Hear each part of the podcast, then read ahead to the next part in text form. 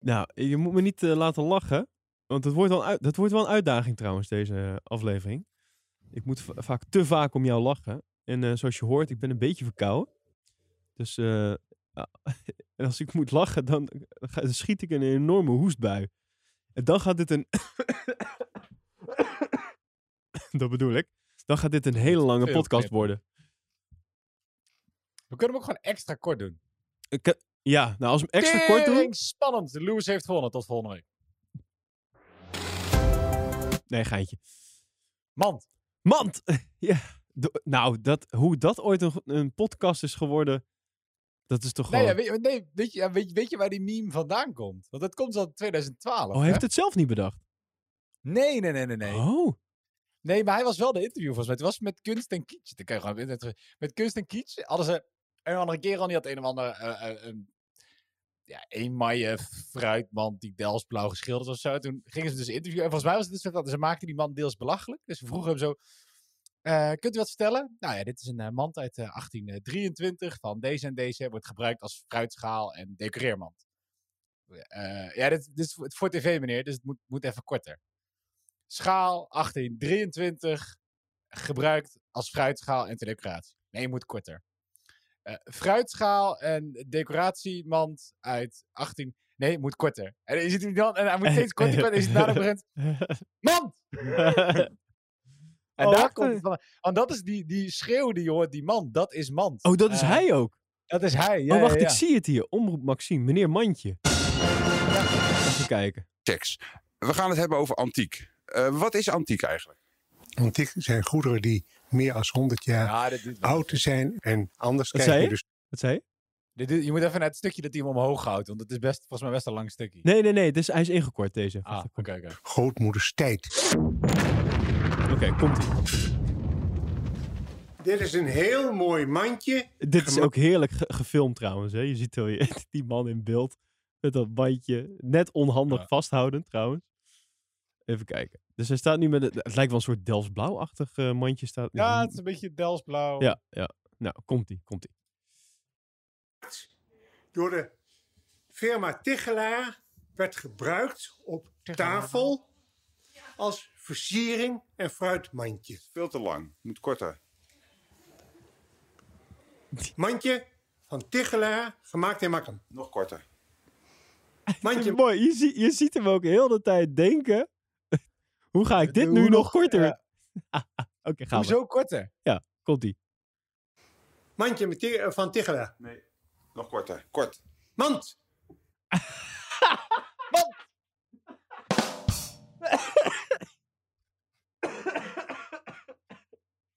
Oh, heerlijk. Kijk, dit bedoel ik dus. Als we dit heel de uitzending gaan hebben, dan wordt het echt kansloos. Dan komt er bijna geen informatie naar buiten. Maar ja, dat is normaal Nou. gesproken toch al niet.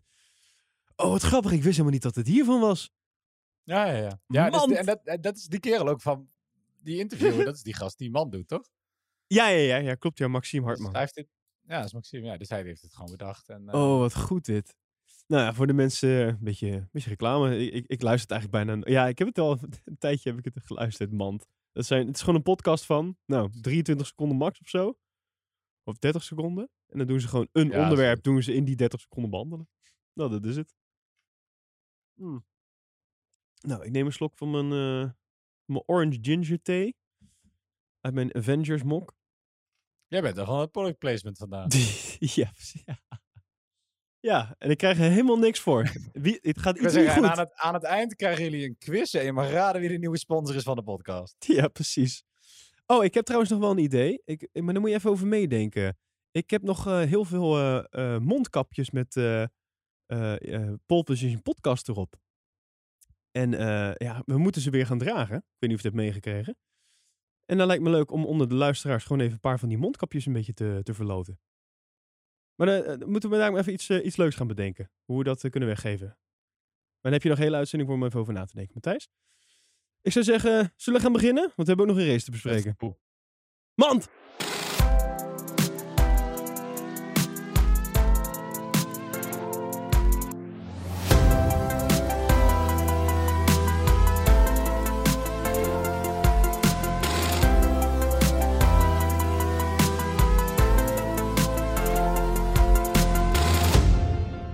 Aflevering 133 van de Pole Position Podcast. En we gaan het hebben over de Grand Prix van Brazilië. Sao Paulo. En ehm, ik moet eerlijk zeggen, Matthijs, ik heb, eh, ik heb de race, eh, ik heb het, ik heb het hele week- weekend bijna niet gezien. Ik heb één keer, ik moest, ik moest onder andere werken, ik heb één stukje op een gitaarwerkbank ergens zitten kijken. Eh, volgens mij was het een kwalificatie. Ja, de kwalificatie was dat. En verder, verder heb ik er niks van meegekregen totdat ik deze podcast ging voorbereiden. Heb jij het wel live kunnen wat zien? Gemist, ja, ja, ik, zag dat jij dus heel actief was eh, in Slack het hele weekend. Ja, Iemand moet het doen. Ja, dat is waar. Ik heb, eh, nee, ik heb de, de vrije trainingen en de kwalificatie niet live gezien. Ik heb de sprintrace heb ik wel live gezien. Ehm, en de race zelf helaas ook niet. Het, het was om zes uur. Ik dacht dat hij eigenlijk ook om acht uur zou beginnen. Dus ik kwam er pas veel te laat achter dat hij om zes uur begon. En dat ik eh, echt geen tijd had om dat te kijken. Want eh, nou ja, mijn zondag zat gewoon eigenlijk vol. Dus Ja, precies. ik heb hem eh, gisteravond laat gewoon nog in bed, in bed gekeken. Gewoon laptopje voor je. En dan... Wist je de uitslag toen al wel? Nee, nee, nee, nee. nee dus dat is, Ah, want normaal gesproken zet ik ook in de Slack, weet je wel, van jongens, hè, nou, als ik er niet bij ben, dan probeer ik het altijd wel even in te zetten. Dat het, dat het om een reden is dat ik ook niet meer reageer. Maar nu was het kwart over zes toen ik opeens, oh fuck, ze zijn al bezig. En dan zet ik al mijn social media uit. Dus dan, like, like, mijn Reddit wordt afgesloten en ik heb me, meld me af in Slack. En eh Jouw ik panic button helemaal niks. Ja, Want precies. ik wil gewoon niet. Want ik weet, als ik Instagram open, dan is een van de hoogst gelikte posts. is altijd iemand die de uitslag deelt. En als ik Reddit open, dan is het altijd wel iets van Formule 1. En bij Slack natuurlijk sowieso. Dus nee, dan ben ik echt. Dan is de rest van mijn dag is ook helemaal telefoonvrij. Totdat ik die race gezien Ja, heb. precies. Ja, je kan En je, meestal lukt dat best wel goed. ja, dat is wel nice. Ja, je, je, je kan je klok erop gelijk zetten. Als je Instagram opent, dat een van de eerste dingen die je gaat zien, dat het dan uitslag, de uitslag van de Ja. race is door iemand die daar iets over zegt.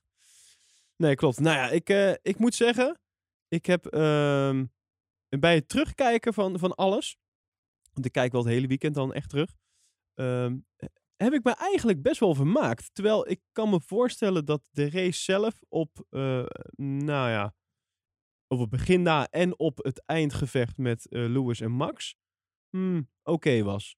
Maar niet, niet bijzonder. Terwijl als je het hele weekend erbij pakt, ik moet zeggen, toen ik alles ging eh, noteren, toen dacht ik, het is eigenlijk best wel verwarrend zo'n weekend met zo'n sprintrace. Ik vond, ik vond het wel leuk dat we weer een sprintrace hadden.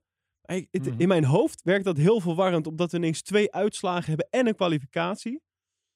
En de kwalificatie is dan niet geldig voor de race, maar voor de sprintrace. En de sprintrace is dan weer de kwalificatie. Maar de sprintrace is ook een race. En we hebben ook de race. Snap je het nog? Ja. Ja, precies. Nou, en ik ben al heel slecht in al dit soort dingen onthouden zo. Daarom heb ik ook eh, ja, heel ouderwets, ik weet niet of het hoort.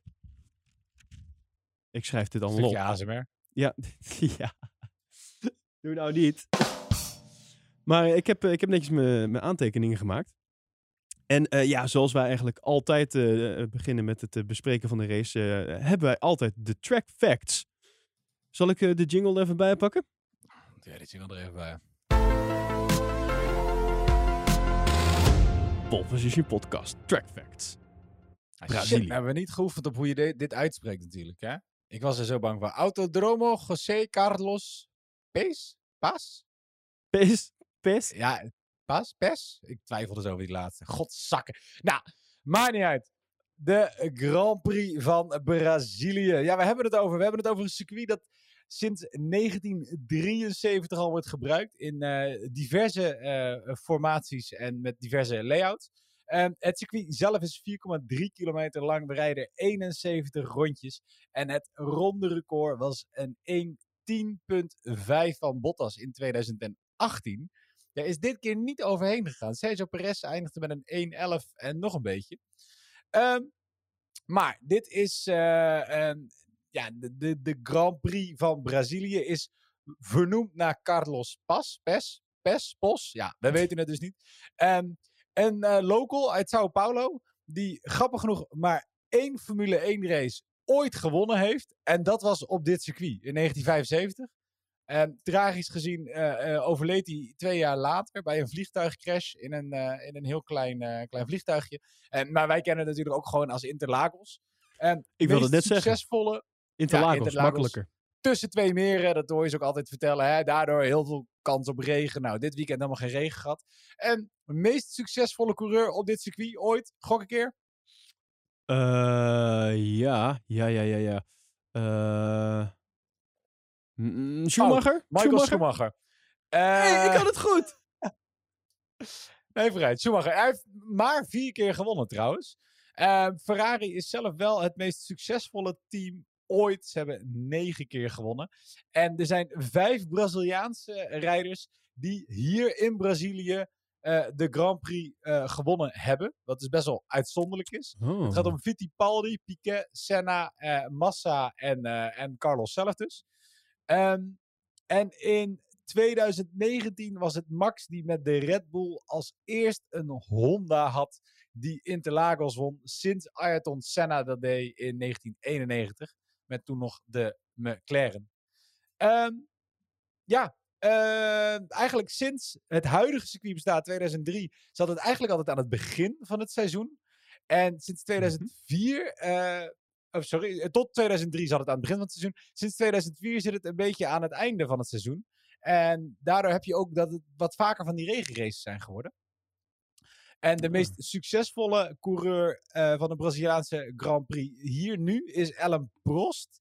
Eh, dat was dus op het oude circuit. En die heeft daar in totaal zes keer gewonnen. Waar dus eh, Michael Schumacher vier keer op het huidige circuit heeft gewonnen. Ah, dat is het Ehm, verschil. en in 1994 heeft dit circuit, eh, hebben ze hier ooit een race gewonnen. Waarbij ze een ronde, de winnaar had een ronde voorsprong. Dat was Schumacher. bij staan wie dat was. Schumacher. Dat was Schumacher. Zeker? Ja, zeker. In de Benetton. Kijk, dat weet, wij zijn zo goed team. Wij zijn het Zo team. Dat is niet... eh, Bassie en Adriaan, eat your heart out. Zijn, ja, zijn er niks bij.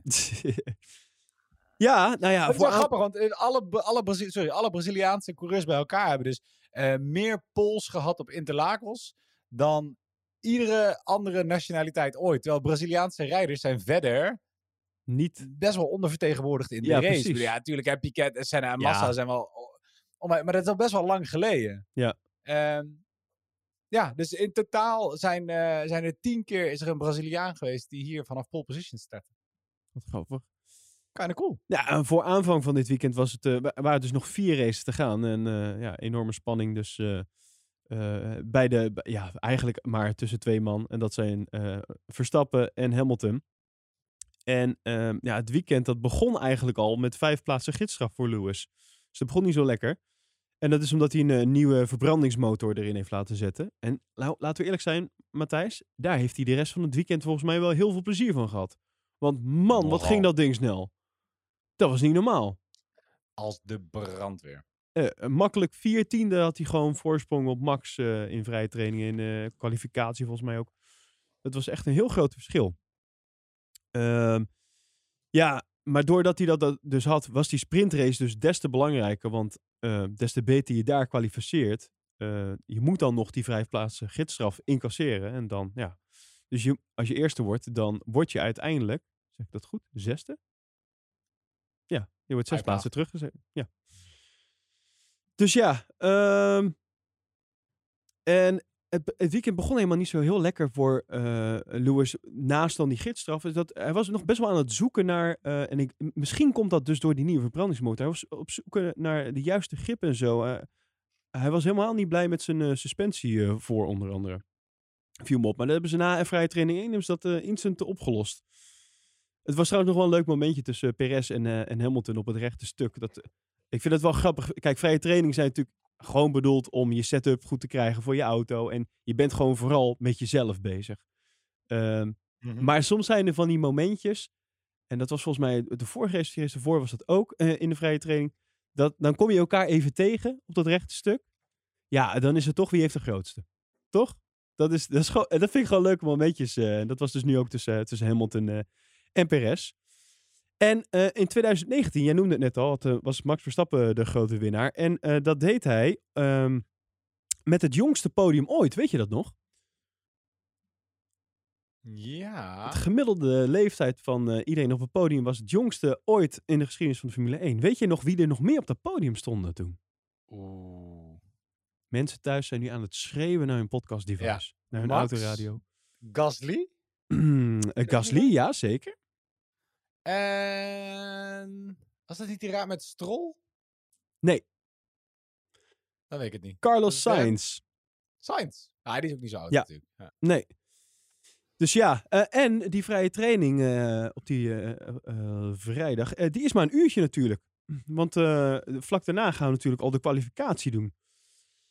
En dat, dat blijf ik toch altijd een beetje gek vinden. Ik, ik blijf het format heel leuk vinden, maar ik blijf het gelijk ook een beetje, beetje gek vinden. Of zo, één vrije training, dan gelijk een kwalificatie. Of zo. Alsof, ja, nou is dit een circuit waar ze dan vaker komen. eh, of zijn geweest in de afgelopen jaren natuurlijk. Maar het lijkt me Mhm. toch, ja, het lijkt me toch even, je wilt toch even goed je auto weer het, het, het, is een leuk element, maar ik vind het soms ook een beetje, een beetje gek of zo. eh, maar het heeft nog niet voor heel Zeker als veel. je net een nieuwe motor in je auto hebt liggen en die 10 pk extra maakt. Precies, precies, ja.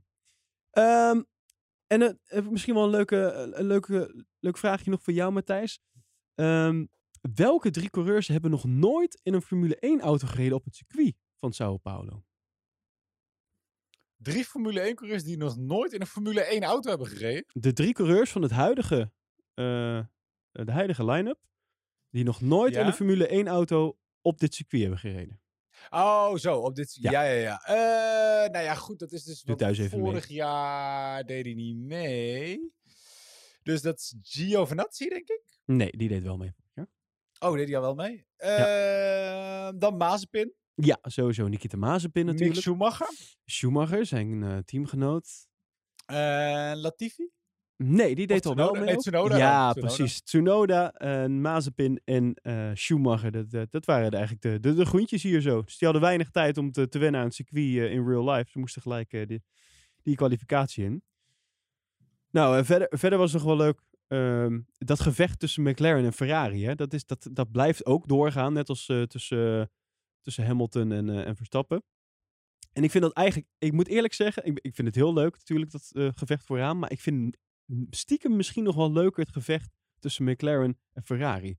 En waarom? Omdat McLaren zo sterk begon het seizoen. En Ferrari natuurlijk eigenlijk van heel ver kwam. En eigenlijk volledig was afgeschreven. En je ziet gewoon nu eh, de, de, de lijntjes kruisen elkaar, zeg maar. Daar waar eh, eh, McLaren heel sterk begon, is nu langzaam aan het afdalen.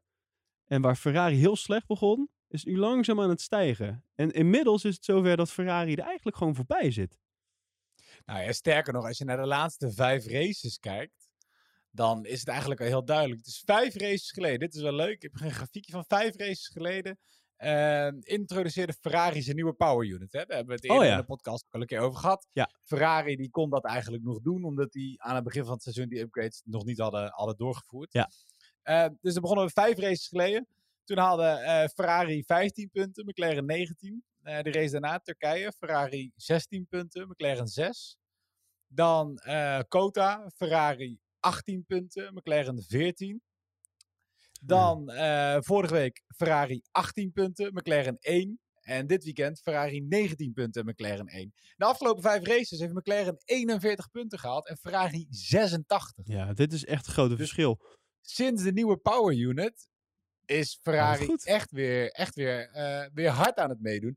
En natuurlijk heeft McLaren ook wel het een en ander aan, eh, eh, aan tegenvallers gehad. Onder andere natuurlijk tijdens de race nu Russell die heel erg tegenviel. En Ricciardo die uiteindelijk Norris helaas bedoel je? stoppen. Norris. Sorry, Norris die tegenviel. Ja. En, en Ricciardo die uiteindelijk helaas moest stoppen. Ja, dat klopt. Eh, en daarnaast Ferrari begon het weekend met een 13,5 punt voorsprong. Da- Dat is inmiddels flink uitgelopen. Ik heb het even niet bij de hand. Maar ehm, nou, wat, wat nog zo'n tekenend is, je noemde net bijvoorbeeld de afgelopen vijf races die punten. Maar in de afgelopen elf races heeft Sainz bijvoorbeeld gewoon überhaupt punten gehaald. Laten we niet vergeten Nee, dat nu dat... al 12. De afgelopen 12 En, en dus races al nu. 12, zeg maar. Begin van het weekend Ja. is nu 12. Dus dat is, ja, het is echt stijgende lijn voor. En ik, stiekem, ik vind het leuk, want ik zie nou gewoon weer bij de, bij de constructeurs ehm, ehm, Mercedes, Red Bull en Ferrari. Nou, dat Ja, is wel even wel- geleden. daar, zit, daar zit wel meer dan een slootje tussen. Ja, oké, tuurlijk. Maar gewoon even voor het beeld. Ik denk dat, dat de mensen bij Ferrari toch lekker kijken naar die top 3. Dan dat Ja. ze ergens op 5 of 6 staan. Laten we eerlijk zijn. Toch? Nee, zeker. Trouwens, op 5 en 6, want daar hebben we het volgende belangrijke eh, eh, punt. Nu even naar de, naar de tussenstanden kijk. Alpine en Alfa Tauri staan allebei eigenlijk op gedeelde 5 6 plaats. Ja, leuk. Dat was ook nog een leuk Dus moment, hè? In de race Binnen tussen... de constructeurs is het, is het sowieso echt wel heel tof om te zien nu. Maar dat is ju- juist zo leuk. Eh, Dat, werd, dat vond ik dan wel goed in beeld gebracht. Ook bijvoorbeeld de, de momenten tussen Gasly en eh, volgens mij was het Ocon. Echt dat gevecht. Ja. Ja, dat gaat ergens over. Het gaat echt ergens over. En het is gewoon het is goed dat dat wel in beeld wordt gebracht. Buiten dat het gewoon leuke gevechten zijn. Is, je je zou bijna vergeten dat het gewoon serieus om, om geld en punten gaat. En ook gewoon Ja. te- om posities in dit geval. Ja, nou ja, dus eh, na die eh, eerste vrije training. Oh, trouwens, nog wel even een leuk dingetje. eh Rijkonen. ik vond, deed, doet het trouwens ook erg goed, vond ik. Afgelopen races. Van de vier races. ja, afgelopen vier races heeft hij twee keer de achtste plek gepakt. Ja, voor een Alfa Ja. Romeo, ik weet niet. Maar heeft dat te maken met die Ferrari-connectie? dat vroeg ik me dus af. Zit daar iets dat jij weet? Ik heb er niks nee, over maar volgens gelezen. mij- nee, ik heb er niks over gelezen, maar volgens mij, want ze hebben niet de afgelopen vijf races een nieuwe motor gestoken. Nee. Dus volgens mij rijdt Alfa Romeo nog met de oude Ferrari motor. Ja. Maar dat, weet ik, dat is wel een goeie, dat weet ik eigenlijk niet. Nou, het viel me op dat zij het dus ook best wel goed doen. En, en, en aangezien Ferrari ook die stijgende lijn heeft, denk ik, hey, zit daar, zit daar misschien iets? Nou, wat, Ja. wat sowieso leuk is dat eh, eh, eh, voor Kimi, ja, die is natuurlijk al honderd keer op dit circuit geweest. Eh, in 2007 won hij zelfs de race hier zo. En dat was in het jaar dat hij ook de, het kampioenschap won. Dus eh, Ja. leuke herinneringen voor Kimi aan dit, eh, aan dit circuit. Oh, ik heb het meteen even gevonden. Oh. Eh, maar Alfa Romeo gebruikt de oude Ferrari motor. Ze hebben gezegd dat ze de nieuwe niet willen doen vanwege de grid penalties. Want het is heel erg als Ja, je nog een achteraan paar maanden moet. Ja. Maar ook vooral vanwege de kosten. Eh, dus ik denk dat dat voor Alfa Romeo Ja, gewoon een hele precies. belangrijke is. Die denken, joh, eh, dat maakt dit seizoen eigenlijk geen fuck meer uit. Nee, die, houden we voor de gek. Ehm, weet je wat, we, we investeren gewoon, we kopen volgend jaar wel een nieuwe motor. Ja, precies. Nou, duidelijk. Eh, gaan we even naar de kwalificatie. Eh, Q1, de afvallers waren daar Mazepin, Schumacher, Russell. Latifi, opvallend. Latifi die beter kwalificeert dan Russell. Vond, het- dat, is, Ja, dat gebeurt niet heel vaak. keer. En volgens mij was dit de eerste keer Ik- namelijk. Ja. Ja, dat, maar dat was wel, ik, ik vond het een mooie, die, eh, die, die meme. Ik had hem in Slack gegooid. When you miss the Saturday, but quali is on Friday, so you're slower than your teammate. Omdat hij natuurlijk Mr. Saturday wordt genoemd. Hij is Mr. Saturday en de eerste keer nu, hij is weer op vrijdag en hij is hem gewoon kwijt. Ja, ja, ja, ja, ja. Sterk, sterk. En eh, Stroll, heel teleurstellend, 16e. Was daar zelf ook niet bij mee. Hij ramde bijna zijn stuurtje door midden. Ik weet niet of je het zag. Eh, er waren beelden van in die, eh, in die outlap. Nou, die hij was... Sorry mensen. Hij was er echt niet blij mee. Deze aflevering even. Ja, En ehm, aan het einde was dit nog wel even spannend. eh, want het was eerst dat Giovinazzi Kimi eruit gooide. Nou ja, dat is altijd knap. Je team, teamgenoot eruit. Overigens Giovinazzi die op dat moment een zesde tijd neerzette. Later werd hij van zeven of achtste uiteindelijk. Maar nou, ook, laten we eerlijk zijn. De, hè, als we het weer over die Ferrari motor hebben. Of in ieder geval over de Ferrari teams. Bizar Mhm. dat hij zo'n goede tijd reed. Zeker omdat Kimi een, een wat slechtere tijd reed. Dertiende uiteindelijk. Maar eh, die deelde daar dus eh, Ocon er weer mee uit. En Ocon die zette weer een snelle tijd uit. En die duwde uiteindelijk Stroll eruit. Dus dat was wel even een leuk momentje in, in Q1 van de kwalificatie. Nou, Q2, dat begon eigenlijk met track limits voor Lewis. Dus ja, die moest daarna nog een keer een rondje natuurlijk gaan zetten om eh, een goede tijd neer te zetten. Nou, ja, uiteindelijk stampt hij er dat gewoon uit. En ook niet in één Q2, ook in Q3. ja. En uiteindelijk was hij gewoon in het hele weekend gewoon constant de, snelste. Dus dat was wel oppermachtig. En de afvallers in Q2 waren dan eh Giovinazzi 15, Räikkönen eh, 14, Tsunoda 13, eh, Vettel 12e en Ocon dan 11. En eh, Q3, ja, daar, wa- waar ik net al over had, Lewis die liet nog even duidelijk zien wie echt de snelste is. Door ook nog een keer aan het einde onder die 1.08 te, te duiken. We pakten 1.07.934. Ja, dat was gewoon echt even nog zo'n extra stempel, weet je wel. Even die extra dreun die je dan nog even uitdeelt. Dus eh, ja, dat was, eh, dat was de kwalificatie. Eh, dus Hamilton 1, Verstappen 2, Bottas 3. Perez 4. Niet heel, heel spannend, wat dat betreft. Ehm, dan hebben we de vrije training 2. Ehm, Alonso, die had daar de snelste tijd van de, van de sessie. Dat was vrij, vrij eh, interessant, maar ik, ik, Ja, het is een vrije training. het is een vrije training. Ehm, vraag voor, voor jou.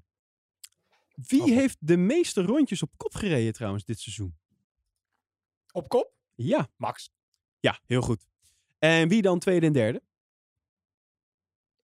Eh, nou, dan zal tweede vast niet Hamilton zijn, want dat denk ik nu. Is tweede misschien Bottas?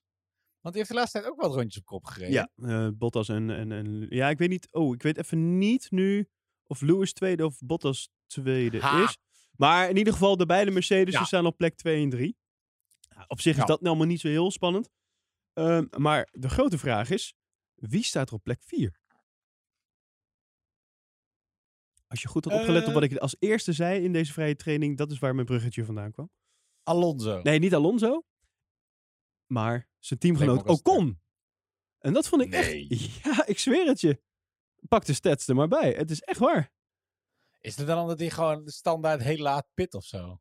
Ik heb, ja, nou, dat, dat is natuurlijk de... Ik ging natuurlijk ook nadenken. Als iemand, ik wil zeggen, want als iemand tegenvallen... Nou, er zijn wel meer mensen die tegenvallen. Maar als ik iemand ook wel echt vind tegenvallen, dan is het Ocon. Ja, nee, dat, dat, is, dat is absoluut waar. Die, die, die rijdt geen deuk in een pakje boter. Nou, eh, hij rijdt zeker deuken. Ik weet niet of je nog, eh, wat is het, 2018 kan herinneren. Wanneer was het? 2018. Eh, het incident tussen Ocon en Verstappen. Waarin ze zowel eh, op de baan als naast de baan, hè, de het bekende duw-incident van, eh, van Max, die even verhaal Ja. kwam halen. Dus hij rijdt zeker bedoel, hij deuken. De enige reden dat hij 50 punten heeft, is vanwege die hele rare race waar in Hongarije, waarbij hij opeens eerste werd. Ja, Op magische wijze.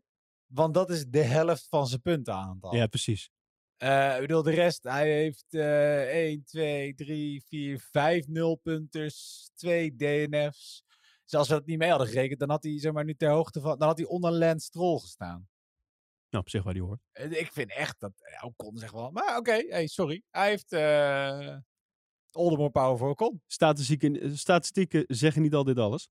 Maar Nee, eh, het, is wel zo, in ieder geval. En eh, op eh, eh, de 13 november, dat waren een aantal dingetjes aan de hand. Eh, volgens mij, wat ik eh begreep, is dat Lando Norris die dag jarig was. Birthday boy. Ja. Eh, 13 november 1999. Ja, Klinkt als iemand die nog niet eens zijn rijbewijs ja, precies. Ja, ja, ja. 22 is die geworden. En, en er was een jubileum ook, de- die 13 november. Het was namelijk eh, 13 november 1988. Eh, dat het de laatste keer was dat Honda een 1, 2, 3 op het podium had. Oh. Ja. En dan eh, voel je de vraag al aankomen. En doe thuis ook nog eventjes mee. Dat lijkt wel een soort quiz. We moeten eigenlijk een, keer een, eh, een Formule 1 eh pubquiz gaan houden. Mocht dat ooit weer een keer mogen. Of mocht het, ja, van, van Rutte. Dan moeten we eens een keer een Position podcast pubquiz gaan houden. Wel leuk. Ik heb leuke feitjes, toch? Vind ik zelf. Zeker. Ehm, vraag voor jou. Eh, waar was dit jubileum in 1988? Dat Honda Eh, 1, 2 en 3 op het podium had. Dat was niet gewoon in Brazilië? Nee, dat was niet in Brazilië. Oh god. Eh, ja, maar dat kan overal zijn. Nou, weet je, je weet Ik een beetje het antwoord. Nou, je zei er net al in je, in je voorstukje. Is dat je zei dat normaal gesproken deze race altijd aan het eh, begin Begin was, was. maar nu aan het einde. Draai dat nou eens om. Dus dan, wat is normaal Dat is- nu aan het begin? Australië. Dat was voorheen aan het einde, nu aan het begin. Ah. Australië. Australië is eh, waar dit. eh, maar ja, dan is eigenlijk de misschien iets makkelijkere vraag. Wie stond er dan op dat podium? 1988, Senna? Honda. Ja, jazeker. Op de tweede plek. Prost. Uh, jazeker, op de eerste plek. Eh Piquet? Jazeker, op de derde plek. Kijk. Prost en Senna voor McLaren Honda en eh, Piquet voor, eh, voor Lotus Honda. Dus eh, ja, de, op zich hoopten ze misschien op een herhaling van zetten, Honda. Maar het zat er niet echt in dit weekend. Helaas, helaas. Nee. en ehm, w- nog wel een leuk feitje. Eh, Max, die is, eh, nou ja, voor zover. We hebben nog maar twee pri- sprintraces gehad. Maar hij is wel de topscorer op dit moment. Van de sprint, of tenminste, eh, van de sprintraces. Uh, volgens mij ook trouwens na dit weekend. Ehm, alleen opvallend was, eh, de eerste twee races eh, wist hij de dag erna, tijdens de race, ehm, dat niet om te zetten naar een overwinning. Weet je nog wel, dat waren dus Silverstone en Monza. Mhm. Even terug in de herinnering. Silverstone. Die bocht. Waar Lewis net dat Ja. tikje gaf. Baf, eraf. En Monza, vliegende Red Bull. Ja. Dus eh, ik vond het een leuk feitje. Ik denk, oh ja, wel, wel goed in de sprintraces, maar de dag erna. eh, toch, nou, dan gelukkig is dat dus nu. Is die van die eh, bad streak eh, is die af. Ja, hoewel het nu natuurlijk een beetje tegenviel. Ja, jammer was in de sprintraces en uiteindelijk ook jammer in de race zelf. Ja, dat, dat, dat is dan ook wel, ja. Ehm, en wat natuurlijk opvallend was, eh, die, die, die vrijdag op zaterdag. de- ineens moesten zowel Max als Lewis. Het is ook weer bijzonder dat de, de twee mannen bovenaan. die moesten zich even melden bij de stewards. Eh, eh, om uiteenlopende redenen. Eh, Max die had even met zijn handjes ergens aangezeten. Dat mag niet. Eh, dat eh, leer je thuis toch al vroeger. Eh, ik heb altijd van mijn moeder geleerd. eh, eh, kijken, niet aanraken. Kijken doe je met je Ik dacht, kijk, kijk, Ogen. niet kopen. Ja, ja, dat is een Nederlandse uitspraak ook. Nee, kijken doe je met je ogen. Eh, maar Max deed het even met zijn handjes. Dat heeft hem een boete van 50.000 dollar volgens mij, of euro eh, opgeleverd. Ehm, nou, wat, even heel kort jouw reactie hierop. Wat vind je ervan? Ja, dit, dit gaat nergens over. Ik bedoel, kijk, het maakt niet uit, want het is voor hem, eh, je zag het ook in de reactie, en, en volgens mij, dit is al uitvoerig besproken, de reactie van Max, eh, die het weinig kan schelen dat het 50.000 euro is. Hij zei toch, ik hoop dat ze een goede fles wijn ervan kopen of zo, of iets in die trant. eh. Ja, ja, dit- ja, dat vind ik ook weer een beetje nergens goed. Prima. Ehm, iemand had het, eh, had het teruggerekend met wat hij per jaar verdient. En dat is dan alleen wat hij betaald krijgt vanuit Red Bull. Ehm, en dan is het omgerekend naar modaal alsof je een boete krijgt van 68 euro. het is bizar. dit- hè? Het is voor hem is niet zo heel boeiend. Kijk, wat ik vreemder vind is dat ze er nu dus een boete voor geven. Terwijl dit gebeurt zo vaak. Er Ja. wordt zo vaak aan auto's gezeten, ook in Park Vermee. Ook als auto's verplaatst worden, worden er aan, aan de auto's aan de vleugel gezeten. Ja. En, en er zijn zat mensen die, ook rijders, die aan elkaars auto, die het een keer aanraken. Die, het was niet alsof hij, weet je, ergens zat te frotten of, of dingen aan het, eh, aan, aan het duwen, aan het trekken was. Ja, Ja, ken, ook coureurs die aan andere dingen zitten trouwens. En daar geen boetes voor krijgen. Uh, Mazepin. Ja, dus ik bedoel dat je, ja, dat je dan. Ik weet niet, ik vind het een beetje kansloos. Ja, Het was ja. echt zo'n. Lewis moet een straf krijgen, dus Max moet nu ook een straf krijgen. Nou, Nou daar ja, leek het bijna wel op, 50.000 hè? Het is een beetje voor de Ja. bühne. Maar Ja, terwijl dan omge- omgekeerd. Ik bedoel, Lewis die de regels overtreedt na de race door eh, op tijd of te vroeg zijn gordel los te maken, krijgt dan een boete van 5000 euro. ja, dat, nou ja. Weet ja. je ook, eh, het, is, het, is, is daar echt tien keer zo erg of zo. Of wat, wat doen we? Dat is iets wat een regel die is ingesteld in verband met, met veiligheid. Dat Ja. zou volgens mij veel belangrijker moeten zijn. En het wordt tien keer minder bestraft dan dat je. Ja, doe normaal. Heftig, hè? Ja, Ja. Nou, nou dan, hebben, dan delen wij eh, de mening daarover. Ehm, maar Lewis, die, eh, die moest zich, eh, nou, buiten deze straf, eh, had hij nog een andere straf. Die kreeg hij eerder dit weekend namelijk. Eh, dat ging over zijn DRS-systeem. Die voldeed namelijk, niet aan de eisen, want de achterklep die ging eh, meer dan de maximale toegestaande 85 mm open. En eh, ja, dat mag dus niet. En dus eh, was, werd het, ja, was het nog even de vraag, gaat hij be- beginnen vanuit pitlane of start hij achteraan het veld? Pitlane zou zijn dus als hij dan nog wordt geschroefd aan de auto. Nou, uiteindelijk begint hij dus achteraan het veld tijdens de sprintrace. Ja, en dan eh, zijn we dus aangekomen bij die sprintrace. Eh 24 rondjes. Eh, en wat grappig was, wat, waarbij sprintrace Bottas eigenlijk die leiding pakt van Verstappen, gebeurde in de race andersom. Hè? Dus je zag ook echt wel, de, de, de tweede plek is eigenlijk de betere plek om te starten. Want volgens mij had Max een betere start op dat moment. Hij was beter Ja. weg. Net iets, niet heel veel, maar net iets. Maar ondanks dat had Bottas toch de, de leiding gepakt. Dus eigenlijk moet je gewoon tweede kwalificeren op Sao Paulo. Ja, Dan ben je beter af. wel. Toch? Ja. Ja, duidelijk verhaal. Nou ja, gewoon een klein tipje voor, eh, voor alle coureurs die luisteren.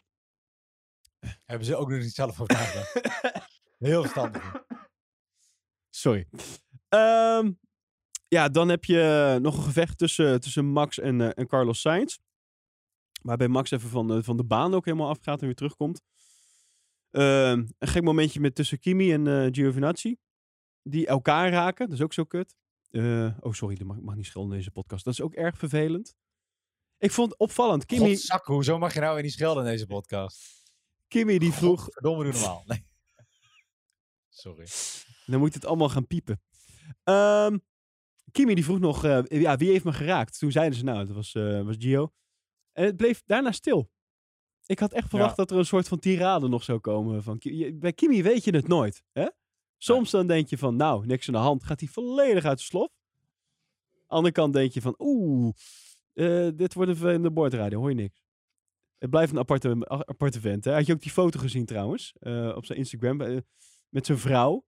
Dat hij, Nee. zijn vrouw, die was als Cruella de Vil gekleed. En hij als Dalmatier. Dus hij had een Dalmatierpak aan. en dan zat hij met zijn tong eruit, naar zijn vrouw. ik, ik vond het weer heerlijk. De andere kant van Kimi Räikkönen. Mensen, als je dat wil zien, ga even naar ons Slack-kanaal. Eh linkje ervan vind je eh, in ons Instagram-account, at polepositionnl. Daar vind je dus een linkje naar Slack. En dan kan je dus praten met ons en met andere luisteraars, eh, Formule 1 liefhebbers. En vind je dus ook plaatjes van Kimi Räikkönen in een Dalmatierpak. U wilt het echt niet missen, mensen.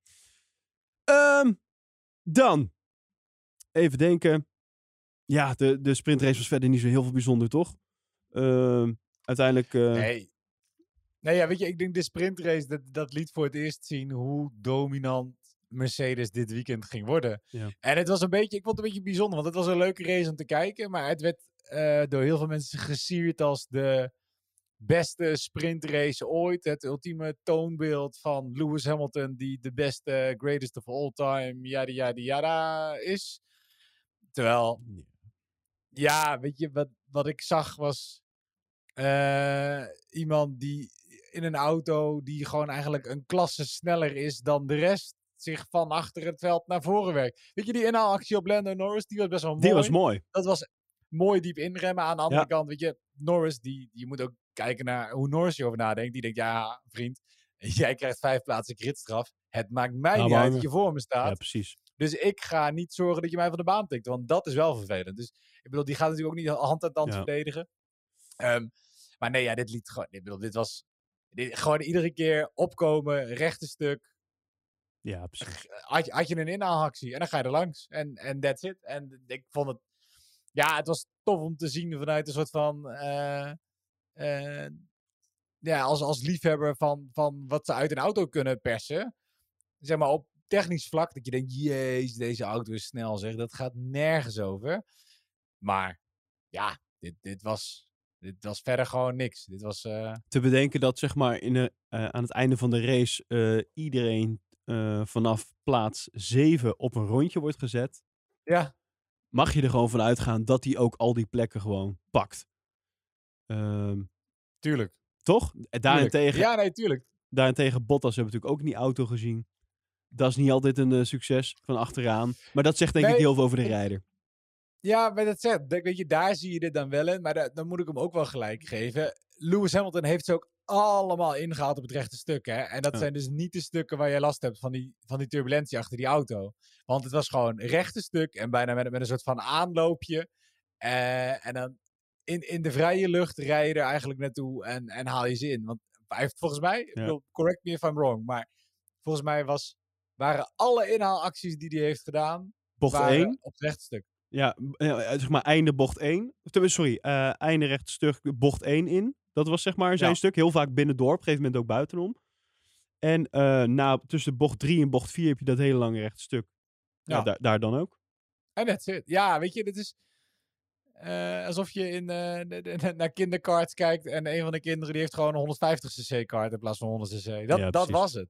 Ja. Dus ja, nou ja, goed gedaan. Eh, top. En, en weet je, dan, nou ja, dan, dan heb je een gridstraf gekregen die uiteindelijk eigenlijk niet, niet iets voorstelde. Nee. En dat is een beetje het punt waar we nu natuurlijk beland zijn. En dan Ja. begint de race. Vijf seconden, vijf, eh, sorry, vijf seconden, vijf plaatsen gidsstraf had hij gekregen. Dus eh, hij eindigde vijfde in de sprintrace, moest als tiende beginnen, zeg ik dat goed? Ja, dat zeg ik goed. Ehm, ja, en dan begint de race, wat je dus zegt, ehm, waar Verstappen dus die leiding pakt. Hè? Eigenlijk de omgekeerde van de, van de sprintrace waar we het net al over hadden. Eh Norris heel, gelijk al een lekker band had, na contact met Sainz. Even dat momentje. Eh Sainz die zei van, eh, nou, ik werd helemaal eh, als een sandwich in elkaar gedrukt. Hè? De- I got squeezed, zei hij volgens mij. Ik heb de beelden van bovennacht nog eens bekeken. Ehm, nou, als dat sandwich is, Ja, er zat niet zoveel squeeze bij. ja, er zat nul squeeze bij hoor. Het enige wat gesqueezed werd was Norris tussen de auto van Sainz en de muur. Dat werd gesqueezed. Ja. Dus, maar ja, rondje 1, dus er wordt niet ingegrepen. Althans, soms wel, soms niet. Want ik weet ook niet meer wat de, wat de stewards tegenwoordig wel of niet hanteren. Het is één groot mysterie. Eh, maar ja, de race van Norris was daarmee wel gewoon eh, eigenlijk klaar. Want Ja. lekker band, dus naar binnen. En eh, overigens nog krap, knap dat hij, dat hij die auto nog een heel rondje heel heeft weten te houden. Dat vond ik echt knap. Dat is nog Ja, niet zeker. makkelijk met zo'n met, met zo'n lekker band. Ehm, dan hadden we, het waren best wel even wat contactmomentjes. Eh, Stroll en Tsunoda. Daar eh, lag een halve voorvleugel volgens mij. eh, die sneuvelde daar zo. Ehm, nou, vervolgens eh, hadden we ook nog de teamorders voor Bottas. Lewis was natuurlijk al vrij snel eh, eh, voor, vooraan te vinden. En ja, dan komt toch het pijnlijke moment eh, of hij toch even Bottas, of Bottas toch even wil afremmen. Nou, dat deed hij ook bijna letterlijk. Hij stond bijna stil. Dat was niet Ja. normaal. Ik, ik snap dat dan niet. Waarom eh, is dat soort onkunde of zo? Je kan toch wel iets langzamer rijden of zo? Het, is- dat geeft toch wel heel erg aan ook hoe... het- ja, dit soort dingen vind ik altijd heel toonaangevend. Ik bedoel, het is, het is toch even van je gas en weer pakken. Maar dit, eh, hoe, hoe, slim en hoe kundig je dit doet, zegt denk ik heel veel over hoe je, hoe je Ja. überhaupt raced, zeg maar. Ja, ja nee, ik heb geen idee. Weet je, misschien is het, eh, is het niet gewoon meer een soort van aan-uitknop die je op je Formule 1 auto hebt. In plaats van dat je echt een gaspedaal hebt. Ik heb geen idee. Eh, nee, ja, I don't know. ik, eh, en- het, het viel me gewoon op. Ik denk, ja, dat, wa- waarom Ja. sta je nou bijna stil?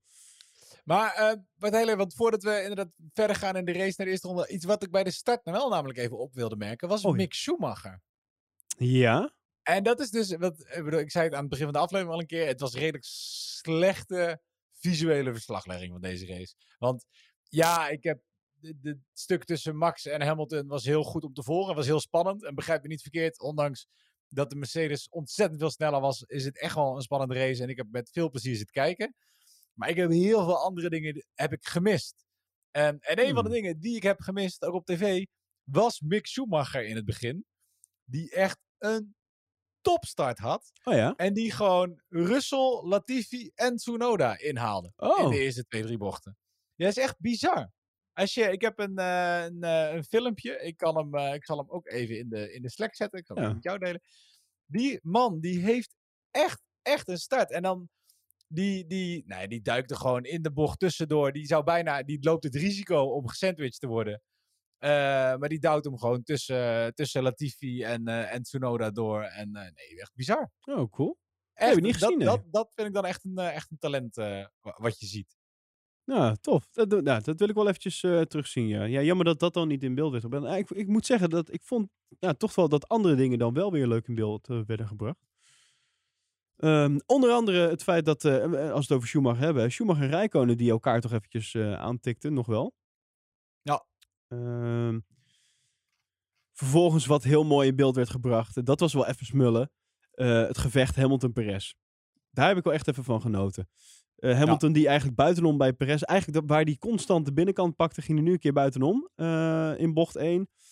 Eh, maar de exit was dermate dat Perez gewoon eigenlijk vol in die slipstream ging, meeging. En DRS op dat punt. Dus hij pakte gewoon die positie weer terug. En dat was wel lekker. Gewoon, dat is wat je wil zien hè, van, van in dit geval de tweede rijder Red Bull eh, Perez.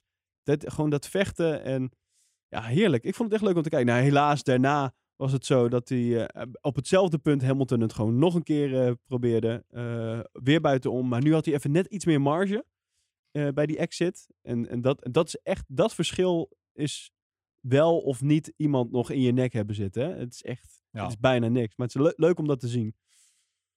Nou, Stroll, die, eh, ik weet niet wat die trouwens ook weer aan het doen was eh, dit weekend. Maar die, eh, die verloor de helft ook van zijn auto tijdens het rijden. Die Ja. dat, dat lag aan het diggelen. En daardoor dus virtual safety car. Daar was, Bottas was daar spekkoper.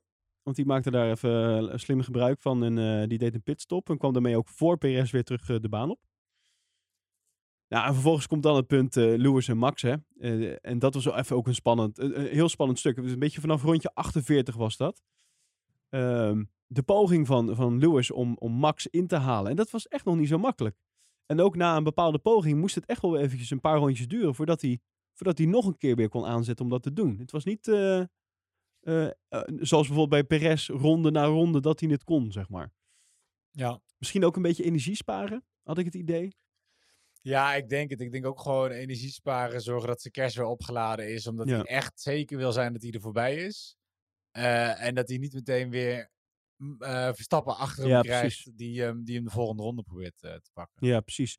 Nou, het- hij was er heel dichtbij in dat in rondje 48. Maar uiteindelijk gingen ze dus allebei de baan af.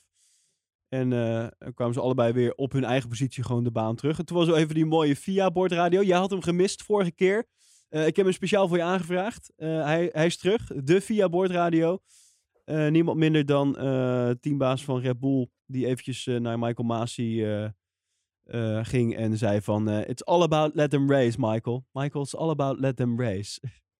ik ja, vond en, dan- maar, en daarna ook het geslijm erachteraan. Oh, die heb ik. Hoorde je ik heb niet. nee, ik het gewoon niet het afsluiten van het gesprek. En dan echt zo. ja, ik, ik heb het niet meer precies op mijn Netflix, maar het was iets van. dat hij zei, well, like, yeah, thank, you, thank you for calling. Thank you for noticing. Well, thank you for taking the time. Echt? En dan, en dan ja, het is echt een- Het is zo, zo, zo dat uitdelen van die pleasantries van... Het is zo over de top, terwijl je moet het toch gewoon tegen elkaar kunnen zeggen. Maar het zit echt links en rechts vol met geslijm, denk ik, in de hoop dat ze... Dat, ze, dat, dat Marco Maas toch even de beslissing hun kant op laat vallen. Oh, wat grappig. Even, ik probeer me echt te, te, te, te vinden nu, maar ik eh, kan het niet even kijken hoor. Ja, het Eh, is echt, er- was gewoon er was een iets, iets te vaak een thank you over en weer in, eh, in, in die zinnen. Dat viel me gewoon op. Ik denk, jongens, toneelspel. Ehm, Even kijken. Eh, Volgens Ah, mij nee, heb ik hem hier. Volgens mij heb ik hem hier zo. Even, laten we even luisteren. Ehm, ja, hier zo. Oh, eh, dan moet ik wel het geluid aanzetten. Dat is wel handig, hè? Komt-ie. Michael, that is all about let them race. That's all about let them race. Yep, no problems. That's why I'm just having a look at it. Jonathan, there is nothing further than that. Thank you for your input. Thank you for your receiving it. My pleasure. Thank you for your Thank you receiving for it. receiving it. Ja, dat was het. Weet je, beda- bedankt dat je naar me... Ja, kom op. Vind jij trouwens niet dat Michael Masi een heel, oh, een heel vreemd stemmetje heeft? Laten we nog heel ja, even, even luisteren. dit was niet... Dit, Michael, was that niet is all about. Wat zei je? Wat- wat want je dit klinkt als Christian Horner, maar dat is het ook niet. Is dit, dit is toch Horner? Dit is, Nee, ze- eh, lu- luister maar wat Marco Maas zegt. Hij zegt niet Christian, toch? Let them race. That's all about let them race. Yep, no problems. That's why I'm just having a look at it. Jonathan, there is nothing further than Jonathan. that. Thank you for your input. I'm just having, little, having a little glitch. Oh. Want de- degene die dit zei, is volgens mij is Jonathan Wheatley. Oh. Further than that, thank you for your input. Thank you for your receiving it. Oh. Maar hij, hij- ik vind hem best wel klinken als bij al die Hij klinkt, nee, maar dat is, want dat is mijn punt. Hij klinkt als Christian Horner. En dat is dat heel veel van de engineers die je hoort op de boordradio, dat lijken ook bijna altijd dezelfde gasten. Oh, wat Er grappig. zijn een paar, maar dat heeft dus te maken. Ik ga dat nog een keer opzoeken. Ik heb het ooit een keer gelezen. Ik Dat weet, iemand in ons Slack weet de, dit. Iemand in ons Slack-kanaal weet Ja. dit. Eh, en de frequenties die ze sturen, waardoor een aantal eh, frequenties worden geknepen vanwege de hoorbaarheid. Ook richting die Formule 1 auto's en zo. En daardoor klinken die Oh. stemmen hetzelfde. Zoiets is het. eh, maar eh, ik doe bij deze een oproep aan eh, Kevin in ons Slack-kanaal. Die weet dit vast. En anders sowieso iemand anders. Er zitten zoveel mensen die zoveel meer weten dan wij in het Slack-kanaal. Ehm, sorry. Ja, je zou bijna vergeten dat ik nog steeds last van mijn keel heb. Ik denk, ik herinner je er even aan. Ehm, dan eh, de via boordradio dus gehad. En dan is in, eh, in rondje 59 is het dan toch echt eh, wel aan de beurt. Lewis die gaat er voorbij. En ehm, nou, daarna is het eigenlijk nog een momentje tussen Gasly en Ocon. Ook twee teams die elkaar letterlijk op de hielen zitten. En rijden elkaar trouwens ook bijna van de baan op dat punt. Scheelt echt niet heel veel.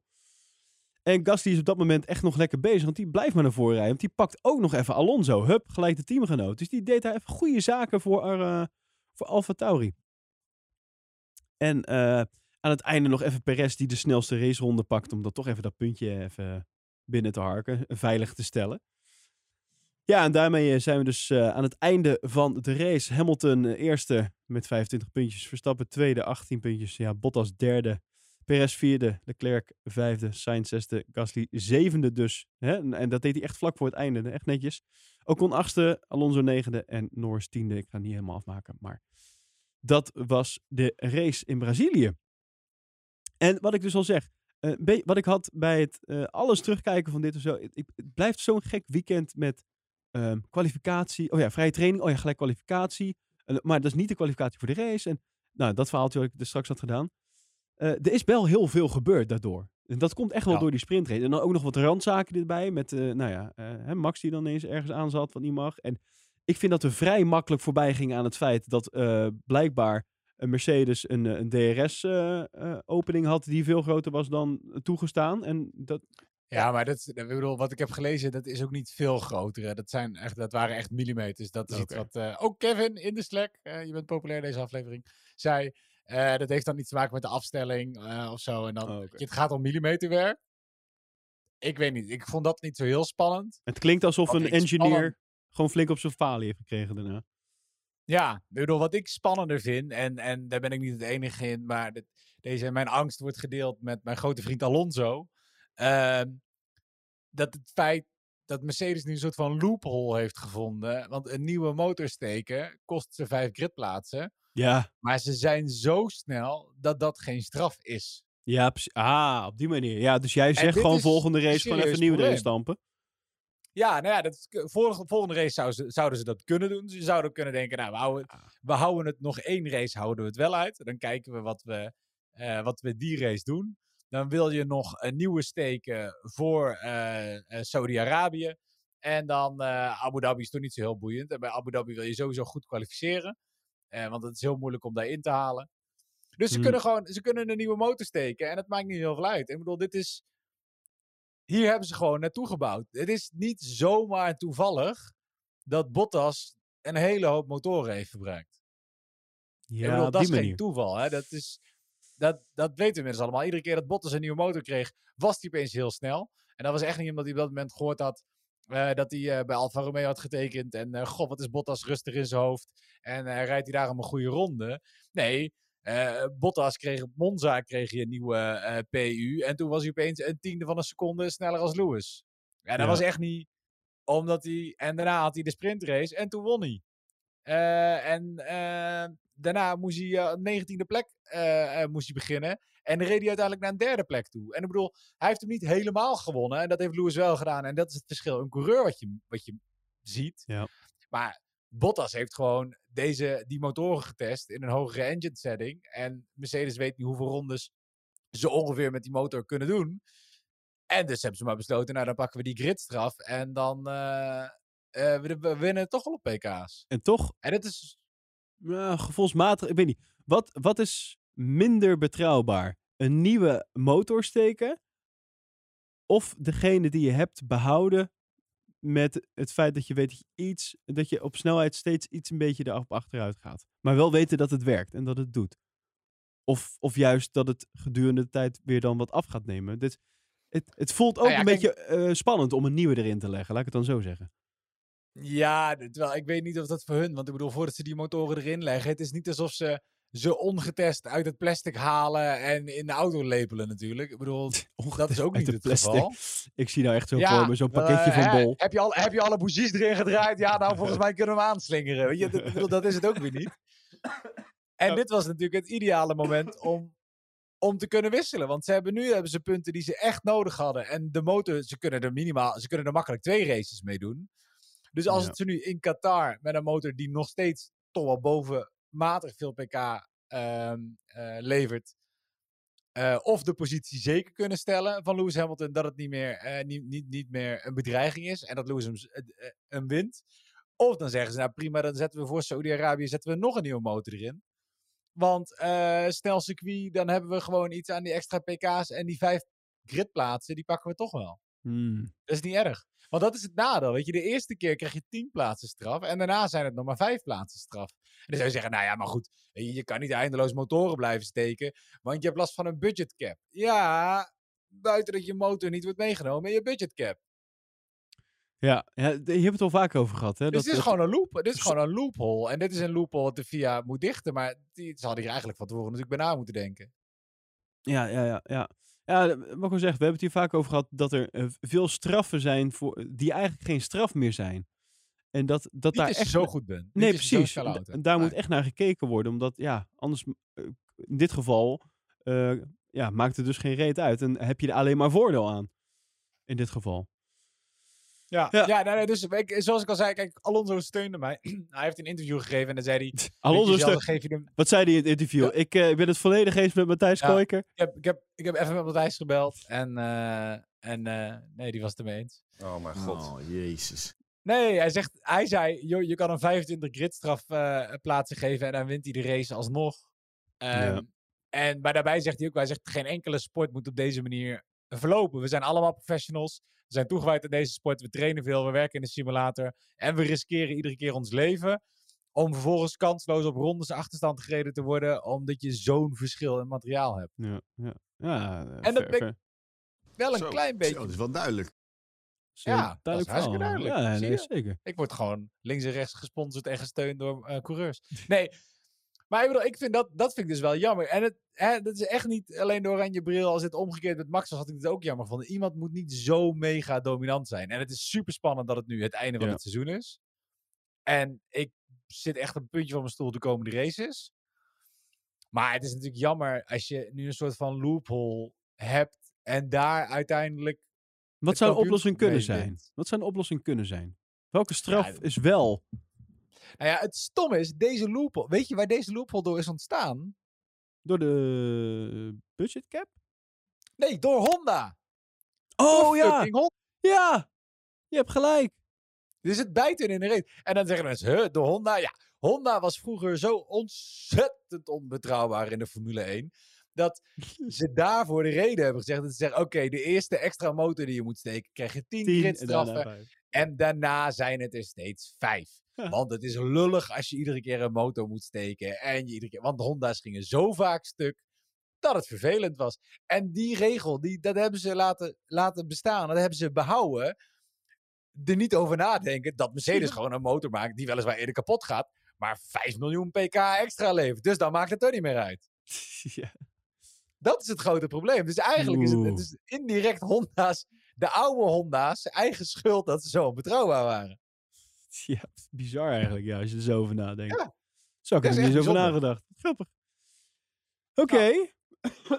zo.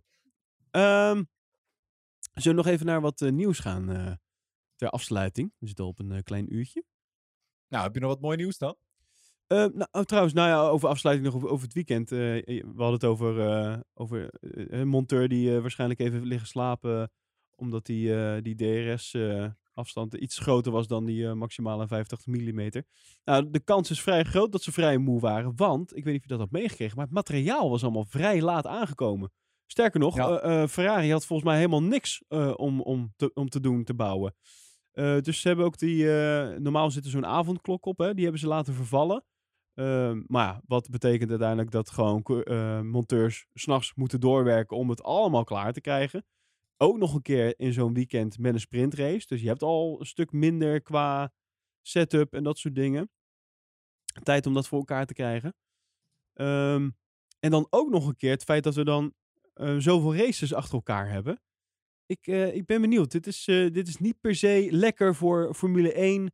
eh, wat betreft het logistieke gedeelte. Ook nog een keer te bedenken dat we volgend jaar nog meer races gaan doen. Nog meer van dit soort back-to-backs. Op het moment dat je ehm, dus logistieke problemen hebt, dan ben je echt je, je personeel eh, volledig aan het, eh, aan het uitbuiten. Eh, Ja. Vooral op, op het gebied van slaap. Ik, vond het, ik vond het even een opvallend dingetje. Ik denk, ik vermoed dat we dit best nog wel vaker gaan horen. Want het is, allemaal, het is best wel allemaal precisie, hè? Er, er zit niet heel veel marge in. Dus er hoeft maar één ding fout te gaan. En, en je zit, ja, je, bent, je zit gelijk met de gebakken peren. Om het zo Nee, het is eigenlijk een wonder dat ze inderdaad als het logistiek gezien tot nu toe gewoon hebben kunnen redden. Precies. En dat je, en eh, als je dan nog zou zeggen, nou ja, je kan daarna een paar weken uitslapen, maar met al die back-to-back races valt het ook Zit er niet niet mee. in. Nee, Dus kijk, dat je dan nu in één keer een nacht door moet werken, dan helpt het dat je misschien in Brazilië zit, want daar ligt de kook 's ochtends gewoon aan het ontbijt op tafel. Maar ja, maar als je de- is daarna wel, eh, moet doorvliegen naar het Midden-Oosten. Ik weet ja, niet. dan mag je niet. eh, Ja, Met je jetlag-. Ja, met je jetlag erbij. Ik weet niet. Ja. Het is best heftig hoor. Ja, maar ik denk dat die gasten die moeten ook gewoon een soort van, eh, die moeten op hun eigen klok blijven leven. Ja, dat kan niet anders. In plaats, je kan echt niet mee in de tijd van de tijdzones waar je bent. Dat, eh, dat red je niet. Nee, precies. Nou, ehm, dan. Eh, Er was wat nieuws rondom een overname van McLaren. Ja, nee. Maar dat, maar dat, dat schijnt weer van de baan te zijn. Oh, je, je- je bent er weer helemaal bij. Je bent er helemaal bij. Squatch. Ja, het ging op internet het gerucht rond dat eh, McLaren overgenomen zou worden door Audi. Dus het Formule 1 En team BMW, van toch? McLaren. Ja, dus het Formule 1 team van McLaren zou overgenomen worden door Audi. En het straatteam, de, of de, de rest eigenlijk, zou overgenomen worden door BMW. Ja, Nou, dat ja. op zich sowieso al een hele wonderlijke combinatie zijn. Want dat zijn twee eh, soort van aardsvijanden die dan onder één eh, naam zitten. Maar Ja. het blijkt ook eigenlijk dat het gewoon ehm, onzin is. Het is, eh, het is een, een gerucht dat helemaal niet klopt. het is helemaal niet dat Audi het Formule 1 team van McLaren heeft Nee, overgenomen. nou, En- de- de McLaren Ah. heeft er ook een statement over naar, buiten gebracht. Ze zeggen, McLaren Group, zo, nog een keer. McLaren Group is op de hoogte van de nieuwsberichten die circuleren over een mogelijke overname. De geruchten zijn inaccuraat en het nieuws klopt niet. McLaren's strategie is altijd geweest om naar samenwerkingen te zoeken met relevante partners en leveranciers. Daar horen ook automerken bij. Echter verandert dat niets aan het eigenaarschap van McLaren Group. Al dus McLaren. Dus we hoeven niet bang te zijn. Dat gaat allemaal niet gebeuren. Nou ja, niet bang. Ik was juist best enthousiast. Jij was enthousiast hierover. Zeker. Audi, jongen, als iemand zijn best wil doen om Mercedes natuurlijk onderuit te schoppen, dan is het de vachtgroep, eh, lijkt mij. Ja, dus maar als Audi of eh, Porsche daarin komt, die zijn natuurlijk extreem gemotiveerd en hebben een eh, redelijk diepe buidel. Maar dan hoop Ehm. ik toch eerder dat ze dat op, misschien nog liever op eigen kracht doen dan, dan met, een, met een overname van McLaren Formule 1 team erbij. Ik heb liever een extra team erbij. Ja, maar dat gaat niet gebeuren. Dat weet ik. Maar dat is wel Je mijn... krijgt, je krijgt toch niet meer dan 20 rijders aan het, eh, aan het startgrid. Nou, er zijn, er zijn er genoeg die, eh, die willen. Ehm, dan nog meer nieuws. Even kijken. Nou, ik heb wel een leuke. Eh, Ferrari is al, het is een beetje in de vergetelheid geraakt. Onder andere door corona. Maar Ferrari was bezig aan een hele nieuwe, super speciale, mega ingewikkelde simulator. Oh. Ik weet niet of je je dat nog kan, eh, kan herinneren. Mm, Ja, jawel. De, Ja. de, hij heeft ook een naam, de Dynisma simulator. Ja. Ehm, en dit zou eh, een van de sleutels moeten zijn in het verbeterplan van Ferrari. En eind dit jaar eh, wordt die, wordt die in gebruik genomen. Dus kennelijk de laatste races kunnen ze er al ehm, gebruik van gaan maken nu. En het, het ding is dat hij, ja, ja, hij wordt natuurlijk vooral gebruikt naar de ontwikkeling naar volgend jaar. Maar ja, als je bekijkt hè, de laatste vijf races, wat de vooruitgang op basis van de motor Precies. waren. ehm, op basis van nou ja, het beetje strategie wat ze hebben. Dan had Ferrari toevallig afgelopen weekend ook nog eens de snelste pitstop. Met Leclerc, 2,21 seconden. Oh ja. Ehm, en ze hebben nu een simulator waardoor ze zich eh, nog eh, beter kunnen voorbereiden op volgend jaar. Ja, dan heb ik er toch ook wel weer zin in. Ik hoop dat Ferrari gewoon weer even mee gaat doen. Ja, ik ook dus. Ik heb goede hoop hoor. Wat dat betreft. Zeker. Eh, nog meer dus. Heb jij, eh, jij hebt een PlayStation, hè? Of heb jij een andere game Zeker. console? Ja, ja, ja. ja. Eh, heb je ook het Ja, Formule nee, 1 die- eh, spel? Ja, de, de 2020 versie? Oké, je, hebt, je hebt niet, Ja. je hebt niet de, de, de, de laatste, laatste deel. Nee, nee, nee. Nou, in ieder geval vanaf maandag kan je, dus dat is vanaf gisteren eigenlijk trouwens dat al. Het is vandaag dit. Nee, het is vandaag vandaag. Vanaf vandaag. Vanavond maandag hoor. Het is vandaag maandag. Ik ben helemaal in de war. Ehm, vanaf vandaag eh, kan je dus eh, eh, het nieuwe stratencircuit van Saoedi-Arabië spelen. Want dat was er nog niet in de game. En nu dus wel, de Jeddah Circuit. En een rondje daarvan, dat is onla- onder andere online verschenen. Als je bijvoorbeeld de Twitter van eh, Jarne Opmeer even checkt, die doet ook even een rondje op, op Jeddah. En dat is natuurlijk ook waar we naartoe gaan voor de volgende race. Nieuw circuit. Spannend. Ja, wat denk je? Wat denk je? Ja, ik. ehm, de- volgens mij was het verhaal eh, dat ze nog niet eens klaar waren met het circuit. Ehm, nou, nou lijkt me dat een heel sterk verhaal. Misschien dat er nog wat... eh, ik kan me voorstellen dat er nog een, eh, weet ik veel, een wasbakje links en rechts niet helemaal goed geïnstalleerd is of zo. Maar ik, kan me, ik denk gewoon wel dat de Formule 1 circus daar nu al daar gewoon naartoe gaat. Dat dat gewoon allemaal klaar is. Dat er gewoon geraced kan worden. Ehm, ja, ik ben benieuwd. Ik, ik vind het circuit... Vind ik eigenlijk wel leuk, om eerlijk te zijn. Eh, de- de layout van, het, eh, van, het, eh, van de track, die vind ik eigenlijk best wel leuk. Dus ik ben heel benieuwd eh, hoe dat... En dat is natuurlijk het leuke eraan, omdat het nu voor het eerst is. Eh, niemand heeft nog data daar echt van. Niemand weet hoe de auto daar reageert, hoe het doet. Dus die vrije training gaan heel belangrijk zijn. Ehm, en we hadden het natuurlijk net over die, die, die nieuwe krachtbron dan bij Lewis. Maar eh, dat, ja, dat is natuurlijk leuk. Maar uiteindelijk gaat het daar denk ik ook heel erg om de grip die je pakt. Want er zijn wel rechte stukken, en ook volgens mij wel snel, maar er zitten ook best wel wat bochten, eh, scherpe bochten in ieder geval in. Dus eh, ik, ja, ik, ik durf ook niet te zeggen wie hier nou een zogenaamd een voordeel zou hebben. Of dat nou Red Bull is of, of, of, of Mercedes. Maar ik, ik kijk wel uit naar, naar alle teams eigenlijk. En daarom mij eigenlijk naar de vrije trainingen. Van het zoeken naar die, naar die grens. Want wat je gaat zien Ja. is dat dat in de vrije training 1 een tijd. En dan in de vrije training 2 gaat die al dik over die tijd heen. Maar echt dik, dik. En dat, dat bouwt zich heel leuk op naar de kwalificatie toe. Dus eh, dat, is, dat is wel leuk denk ik om te zien. En dan hopen dat eh, niemand eh, zich natuurlijk verremt daar zo. Want dat kan je wel duur komen te staan. Dus dat, dat is een beetje mijn... wat, wat denk jij erover dan, Matthijs? Ja, ik weet niet. Ik heb het filmpje te kijken. Ik bedoel, het, is geen, het mag niet onbekend zijn dat ik niet zozeer een fan ben van straatcircuits. Nee. Eh, ik zit meer een beetje te zoeken hier ook, waar ik denk, waar, waar kunnen ze in gaan halen? Er zitten best wel veel bochten in die niet echt bochten zijn. Nee, ja, precies. Het is een beetje zo, ja, we- hellen een beetje naar links, we hellen een beetje naar rechts. Ja. Eh, dus ik vraag me heel, daar ben ik gewoon benieuwd naar. En dit zijn dan de circuits waarop ik de vrije training ook echt wel weer heel tof vind om inderdaad te volgen. Eh, ik ben heel benieuwd waar ze de punten gaan vinden waar je echt in kan halen. Want als ik het zo zie, dan zou ik denken, bijna nergens. Ehm, dus nee, daar ben ik wel heel benieuwd naar. Ja, toch? Ja, eh, het is wel een, sterk punt wat je zegt. En daarmee gaat dus eh, de, die kwalificatie ook heel belangrijk zijn. Want als het zo moeilijk gaat zijn om in te halen, ja, dan is het zo belangrijk om die kwalificatie zo goed neer te zetten. Ja. Dus dat, dat kan echt wel eens het punt zijn waarop je het weekend gaat winnen. En dus, eh, maar het heeft een mega lang rechtstuk. Ja, ik vrees echt voor de snelheid van de, van de Mercedes hier. ja, jij denkt eh, dat, eh, Ja. dat, dat eh, Red Bull de das om gaat doen. Oké, oké. Ik vrees er wel voor. Ik hoop het niet. Ik zei trouwens dat dat het aankomende race is, maar dat is niet waar. We gaan eerst nog naar Qatar. Hè? Daarna kom, gaan we naar Saudi-Arabië. Dus we hebben eerst 21 november Ja. Qatar. Dan heb je een weekje niks. En dan daarna Saudi-Arabië. Dus Jeddah. Eh, en dan de week daarna Abu Dhabi. Dus dat. Ehm, ik heb eh, geen nieuws meer, eigenlijk. Heb jij nog nou, ik heb er nog wel eentje. En dat is, eh, gaat over niemand minder dan Amber Brandsen. Amber Brandsen van, hoe heet dat? Hoe heet die de podcast? Andere bekend van die ene andere hele kleine Formule 1 podcast. Ja. Nee, de NOS Formule 1 podcast. daar presenteert ze. eh, tevens is hij presentator eh, van het NOS, het NOS Journaal. En ik dacht ook Ja. het Jeugdjournaal, dat niet? Nou, NOS Journaal. Ehm, maar Amber Brandsen is groot Formule 1 liefhebber en kenner. En de allereerste naam die Viaplay heeft aangekondigd voor 2022. Is dat zo? Ja, dus zij wordt de nieuwe Formule 1 presentator Oh, die, wij, eh, die wij krijgen bij Viaplay. oh wauw, dat is eh, interessant. Oh. zeker.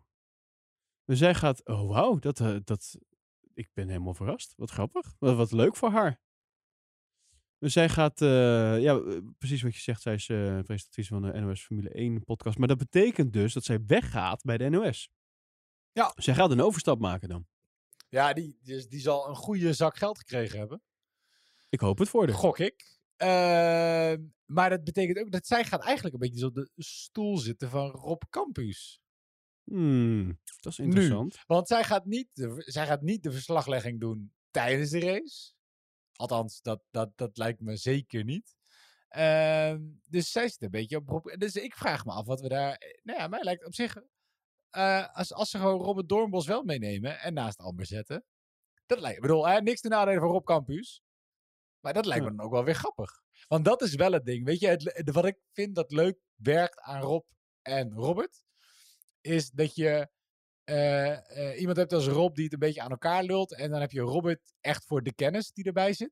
Ja. Terwijl, ja, weet je, dat moet je wel hebben. Je moet wel ook iemand hebben die echt die raceervaring heeft. En die meer is dan alleen een liefhebber. Ja, precies. Ehm, als, je, als je Amber daar neer zou zetten naast Matty, dan krijg je een heel leuk programma en dan krijg je een hele leuke podcast, maar dan, dan mis je wel wat. Weet je, dus zet, nou ja, zet een Robert Doornbos ernaast of, Ja.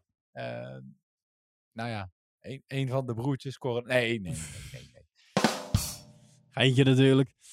Ehm, nee, ja, ik bedoel eh, echte Formule 1 coureurs. nou ja, ik, ik, ik, ik vind nog steeds bijvoorbeeld dat eh, Hoop in Toen vind ik gewoon veel te weinig in Ja, beeld. ik kan zeggen, Hoping toen dacht ik ook aan. Dat was ook echt een leuke naast, eh naast Doornbos. Ja, toch? eh. ik, ik vind dat echt een hele toegevoegde waarde. Ja, ik denk alleen dat hij het zelf misschien niet zo zoekt om dat iedere race te gaan doen. Daar kan ik me nog wel iets Anders dan zou je hem vast wel... Ik kan me niet voorstellen dat je hem niet vaker bij Ziggo ziet, omdat hij het wil, maar Ziggo niet. Want hij is gewoon inderdaad echt een hele toffe toevoeging. Nou, laten, we, laten we toch hopen dat iemand eh, bij Viaplay dat eh, voor elkaar krijgt. En ze hebben vrij veel geld uitgegeven voor de Formule 1. Dus een beetje extra geld aan Hoop in Toen moet toch wel, moet toch wel lukken, zou je zeggen. Ik, eh, ik, ik blijf hopen. Ja, nou dan, dan gaan we de, bij deze de podcast maar weer afsluiten.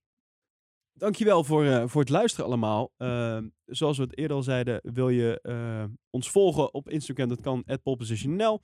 En daar zit ook een linkje naar ons Slack-kanaal. En dat is altijd lekker druk en gezellig. En zoals ik al zei in het begin van de aflevering. eh, ik, zie, ik, ik zie echt letterlijk het hele weekend zag ik alleen maar berichtjes voorbij komen. Van jou, van, van anderen tijdens de race. ook al kon ik niet kijken, helaas. Eh, maar dus wel, ik vind het gewoon heel leuk om te zien dat dat dan zo lekker leeft. En dat iedereen. Dan zit je toch met elkaar te kijken. Ik weet niet. Ik heb thuis eh, iemand zitten die niet per se fan van races is. Ik mag het wel aanzetten en ik mag gewoon lekker kijken. Maar zij gaat niet kijken. Ze, ze kijkt met een half oog mee, zeg maar. Ehm, Mhm. en, en ik kan me voorstellen dat meer, meer mensen dat hebben thuis. Die, dan dat je een partner hebt die niet per se ehm, van Formule 1 houdt. En dan is het toch leuk als je dan bijvoorbeeld met zo'n Slack-kanaal toch even, even, even mede eh, Formule 1 fans kan raadplegen voor een beetje gezelligheid. En wat, eh, ja, wat praten en eh, commentaar hebben op het commentaar bijvoorbeeld. Want dat... we- Hè? Matthijs? Wie ik? Ja, ja, nou, ja, over de oranje bril van Olaf en dat soort dingen. Ja. Dus, eh, dus dat. Ehm Apple Positionel en dan de link naar Slack. Dankjewel voor het luisteren. Dankjewel Matthijs voor jouw expertise weer vandaag. En voor jouw mening. En eh, Hey, ik ben jouw Robert Doornbos. ja, dat is wel heel fijn. Ik wilde bijna zeggen... dat ik regelmatig dingen zeg die niet kloppen. En ik heel, ben heel blij dat ik jouw uh, Tom Coronel kan zijn. Eh dankjewel voor het luisteren en graag tot de volgende aflevering.